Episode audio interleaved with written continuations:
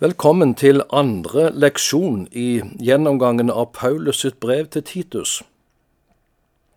Titus var plassert på øya Kreta, hvor han hadde fått viktige oppgaver av Paulus.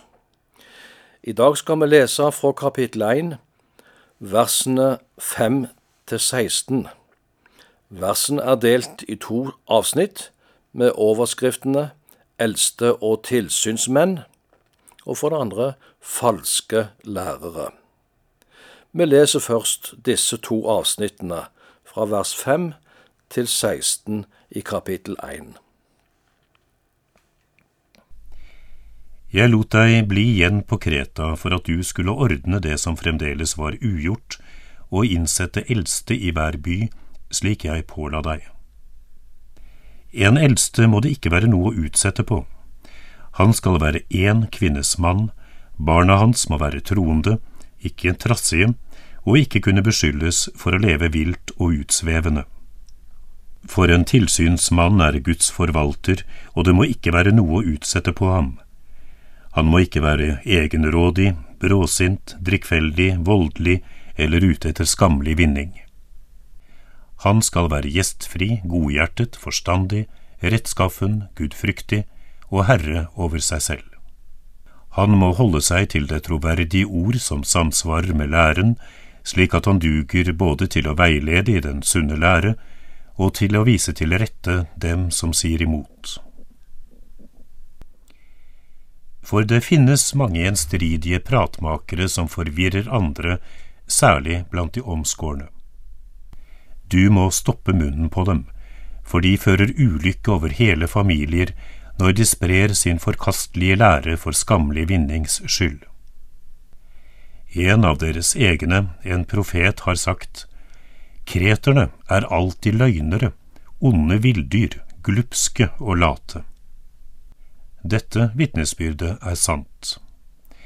Derfor skal du vise dem strengt til rette, så de kan bli sunne i troen.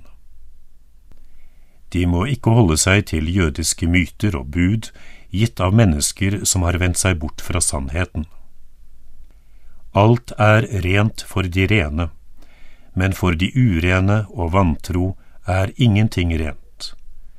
Nei, de er urene både i sinn og i samvittighet. De erklærer at de kjenner Gud, men fornekter ham med det de gjør. De er avskyelige og ulydige, ute av stand til å gjøre noe godt. Det var tydeligvis flere menigheter på Kreta. Hvordan disse ble planta, vet vi ikke med sikkerhet. Men da Paulus og Titus besøkte øya, så de at menigheten, de forskjellige menighetene trengte åndelige ledere. Oppdraget til Titus var å ordne det som fremdeles var ugjort, og han skulle innsette eldste i hver by. Menighetene mangla tydeligvis et åndelig lederskap, hyrder som kunne veilede kristenflokkene på øya. Hva skulle Titus legge vekt på når han innsatte eldste i disse menighetene? Det skulle være menn, men ikke en hvilken som helst mann skulle ha denne oppgaven. Han måtte være egna til oppgaven det skulle stilles visse krav. Fordi som eldste skulle han være Guds forvalter. Og hva betyr det?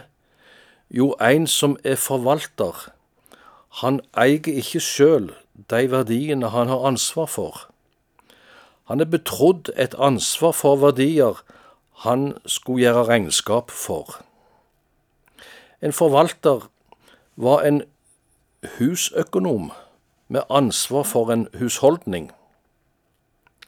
Og bildet forteller oss at en menighet også kan sammenlignes med en familie. Hva skulle Titus legge vekt på når han skulle innsette eldste i menighetene på Kreta? Jo, her listes det opp noen krav, og vi kan samle disse kravene i tre grupper. For det første krav knytta til seksual- og familieliv. For det andre krav til personlige egenskaper. Og for det tredje krav om å holde seg til den sunne og sanne lære. Til det første han skal være en kvinnes mann. Barna hans må være troende, ikke trassige og ikke kunne beskyldes for å leve vilt og utsvevende. Slik står det. Vi finner disse, ja faktisk de samme kravene i første Timoteus brev, kapittel 3, hvor Paulus skriver til Timoteus, som er pastor for menigheten i Efesus. Begrunnelsen for at en eldste må ha orden i sin egen familie, er ifølge 1. Timoteus 3 dette. Dersom han ikke klarer å lede sitt eget hus, hvordan kan han da ha omsorg for Guds menighet? Videre så nevner Paulus noen karakteregenskaper, noen moralske krav, som skal prege en eldste i Guds menighet. Han må ikke være egenrådig, bråsint, drikkfeldig, voldelig eller ute etter skammelig vinning. Fristelser som alltid har vært farlige for kristne ledere. Fristelser knytta til penger og alkohol, i tillegg til seksuelle fristelser. Og så nevnes det òg at en leder i den kristne menighet skal være gjestfri, godhjerta, forstandig rettskaffen, gudfryktig og herre over seg selv. Disse personlige egenskapene skal du se etter Titus. Noe som også i dag eh, skal legges vind på når vi velger våre åndelige ledere. Og så kan en spørre hvem våger å si ja til en slik oppgave med så høye krav? Ja, det er den troende forsamling som skal finne og innsette sine ledere. Se hvem som er skikka, og den som da får en forespørsel om å være en åndelig hyrde og leder i forsamlingen, kan da med frimodighet gå inn i en slik tjeneste kalt av forsamlingen, menigheten som han er en del av.